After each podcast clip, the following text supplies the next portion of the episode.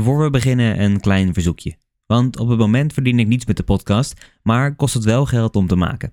Mocht je waarderen wat ik doe en de podcast willen steunen, dan kun je een eenmalige of terugkerende donatie doen via de link in de beschrijving of op www.verhalenwoordslapengaan.com doneren. Je kunt van elke mogelijke betaalwijze gebruik maken en zo kan ik weer een jaartje de podcast in de lucht houden en af en toe een weggeefactie van een mooi boek houden. Maar goed, dan heb ik voor nu genoeg gebedeld. Heel veel luisterplezier.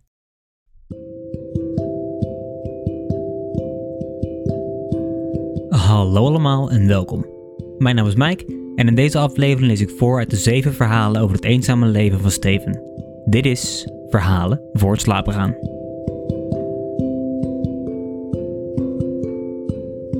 Een tijd geleden schreef ik een reeks verhalen voor Vuurland.nu, een website waar jonge schrijvers hun stem kunnen laten horen. In aflevering 80 gaf ik al een korte introductie. Ik vertelde iets meer over de reeks en over Vuurland. Dus als je daarin geïnteresseerd bent, raad ik je aan die aflevering nog eens te beluisteren. Eigenlijk komt het hierop neer. Ik heb een reeks van zeven verhalen geschreven over Steven. Het zijn zeven episodes over verschillende fasen uit zijn leven, waarin hij keer op keer op een andere manier in aanraking komt met eenzaamheid. Tot nu toe hebben we twee verhalen gehad. In het eerste stak hij in de zandbak zijn kop in het zand en vertrok hij naar zijn eigen fantasiewereld, waar hij een koning was. In het tweede verhaal blijft Steven in de pauze achter in het klaslokaal omdat hij anders gepest wordt, maar het lukt hem niet om toenadering te zoeken bij de docent. In deze aflevering lees ik het derde verhaal voor. Het heet Voor altijd kwart voor vijf en het is een ode aan een barvrouw die ik in het echt heb gekend. Het was de barvrouw van de stamkroeg van mijn studievereniging en ik vond dat zij haar eigen verhaal verdiende. Dit is Voor altijd kwart voor vijf.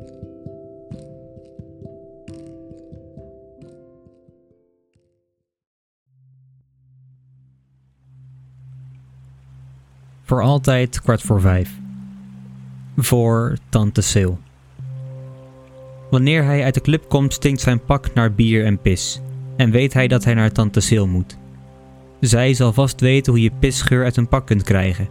Hoe je kunt voorkomen op plekken te belanden waar je eigenlijk niet wilt zijn. Hoe je de onzichtbare restanten van een ongeslaagde bierkantus van je af kunt spoelen.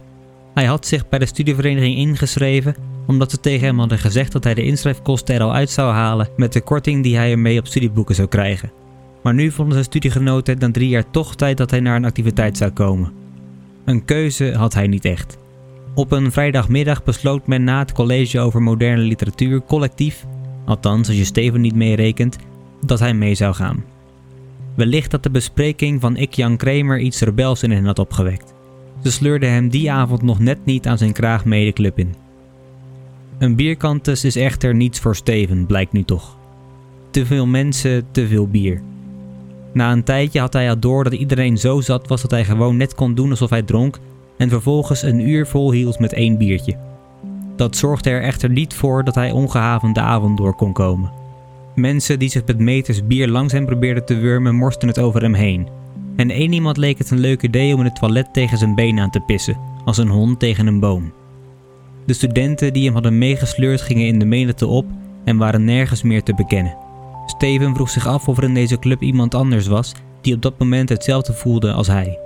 Hoewel dat bijna wel zo moest zijn, kon hij het zich bij het zien van al die dansende en drinkende mensen niet voorstellen. De pis op de broek was de druppel. Figuurlijk natuurlijk. Hij deed nog een halve poging om met toiletpapier de schade te beperken maar toen de doordringende pestgeur niet verminderde, besloot hij rechtsomkeer te maken en de club te verlaten. Zijn studiegenoten zouden hem niet missen, dus hij zei ze dan ook geen gedag. En nu staat hij daar als een nat geregende puppy naar de stoep te staren. In zijn hoofd loopt hij naar huis en komt hij binnen. Ziet hij hoe sommige van zijn studiegenoten niet thuis zijn omdat ze zichzelf ergens bezatten, hoe sommigen wel thuis zullen zijn en hem bestoken met vragen waar hij eigenlijk geen zin in heeft, Daarom besluit hij niet naar huis te gaan, maar naar de andere kant van de stad te strompelen, naar Tante Sil, waar hij zeker weet dat hij niet onder wordt gepist en alleen maar vragen krijgt waar niet eens per se een antwoord op gegeven hoeft te worden, maar waarop hij het altijd wel met liefde doet. Och, jochie toch, je ziet eruit als een verzopen poes. Haar rokerige stem kraakt door de pub wanneer hij binnenkomt. Hij scheurt bijna net zoveel als haar oude en verrimpelde huid. Zet je spullen lekker achter, kind, zegt ze. terwijl hij al onderweg is naar het magazijn. Het is een van de dingen die ze altijd zegt, ongeacht de situatie. Net zoals ze ook altijd vijf keer vraagt of hij echt niet toch een bitterbal wil, die ze nog warm zijn. Een verzoek dat hij dan iedere keer geduldig glimlachend afwijst, alsof het de eerste keer is. Ze noemt hem uitsluitend jochie en kind. Steven weet niet eens of ze wel zijn echte naam kent, maar dat maakt hem niet zoveel uit. Ze is niet vergeetachtig als het goed is. Geen Alzheimer. Ze heeft het zelf maar amper door. Haar standaard opmerkingen en vragen zijn natuurwetten geworden waar de kroeg de wereld niet zonder zouden kunnen. Een andere natuurwet: de klok staat er standaard op kwart voor vijf. Steven heeft tante Sil er ooit naar gevraagd, maar ze had er geen bijzondere verklaring voor. Ze zei dat de klok gewoon ooit gestopt is met tikken, dat ze geen zin had om hem op te winden en hem toen dus simpelweg maar zo heeft laten staan. Een week later kocht Steven een fluthorloge van de markt voor een tientje, haalde de batterijen eruit en zette hem op kwart voor vijf. Hij deed hem om zijn pols en in de twee jaren die volgden is het aantal keer dat hij hem af heeft gedaan op één hand te tellen. Wat heb je in godsnaam gedaan, kind, dat je er zo uitziet? vraagt ze als Steven terugkomt uit het magazijn. Voordat hij kan antwoorden staat er al een glaasje cola voor zijn neus. Speciaal voor hem heeft ze Pepsi, de rest krijgt Coca-Cola.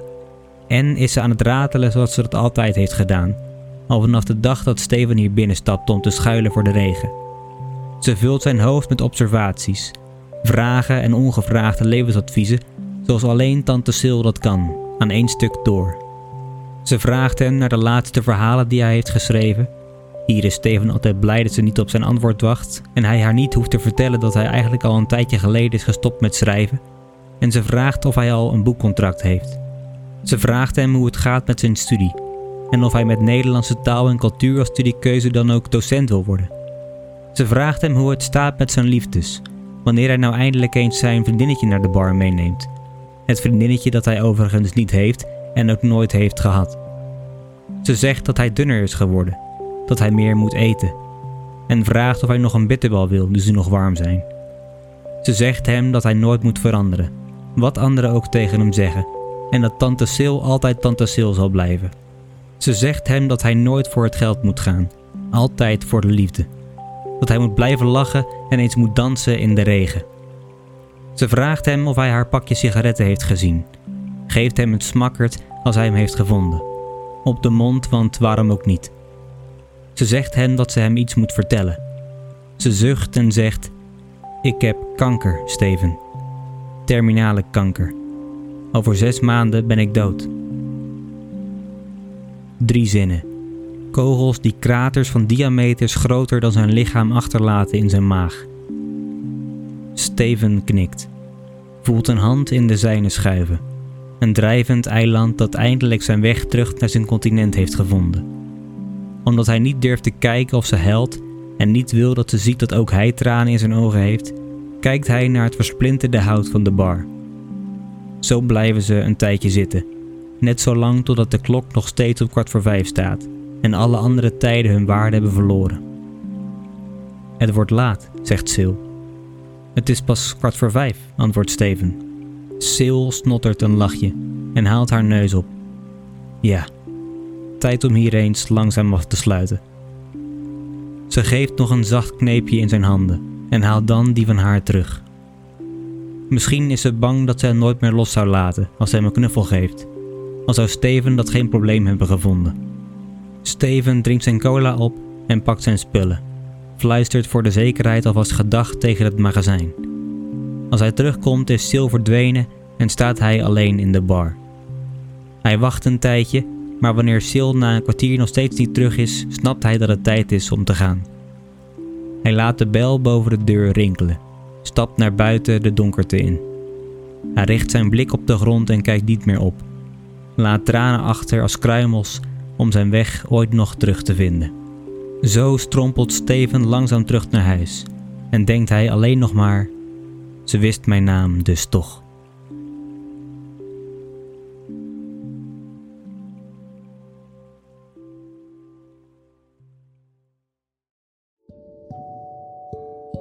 Dat was voor altijd kwart voor vijf. We lezen hoe Steven door zijn medestudenten naar een activiteit van een studievereniging wordt gesleept waar hij het zoals verwacht helemaal niet naar zijn zin heeft. Wanneer hij op het toilet wordt ondergepist, vindt hij het mooi geweest en gaat hij naar tante Sil. Het lijkt erop dat zij de enige persoon is die hij als vriend of vriendin zou beschouwen. En dat hij dus ook niet meer helemaal eenzaam is, zoals in de vorige twee verhalen. Tante Sil is geïnteresseerd in zijn leven, ook al valt ze in herhaling, en ze laat hem zijn wie hij is. Als lezer ben je hopelijk blij voor Steven dat hij eindelijk iemand heeft gevonden bij wie hij terecht kan. Des te groter is de klap als ze vertelt dat ze binnenkort zal overlijden. Ze houden elkaars handen vast, maar echt in woorden afscheid nemen wil ze niet lukken. Tante Sil is verdwenen als Steven uit het magazijn terugkomt met zijn spullen. Op de een of andere manier vond ik dat een beter en krachtiger afscheid dan een stevige omhelzing of een helbui. Steven blijft nog even wachten, maar dan gaat hij me weer naar huis en is hij weer helemaal alleen. In het volgende verhaal is Steven klaar met studeren en is hij aan het werk. Wie weet vindt hij aansluiting bij zijn collega's, maar dat zien we dan wel weer. Voor ik afsluit nog één dingetje. Het luisteren van de podcast is gratis, maar het maken is dat niet. Natuurlijk vind ik het hartstikke leuk om te doen, maar mocht je de podcast willen steunen, dan kun je via het platform Kofi al vanaf 1 euro per maand bijdragen aan de inhoud en de kwaliteit. Daarnaast heb je de mogelijkheid om je te abonneren op exclusieve extra's, zoals bonusafleveringen met extra verhalen en achtergrond, toegang tot giveaways, audioboeken en nog veel meer. Je vindt de link naar Kofi in de beschrijving. Ik wil jullie hartstikke bedanken voor het luisteren naar deze podcast. Voor achter de schermen, updates, vragen of opmerkingen kun je me vinden op social media onder de naam Verhalen voor het slapen gaan. En dan zie slash hoor ik jullie volgende keer. Voor nu, goede nacht, slaap zacht.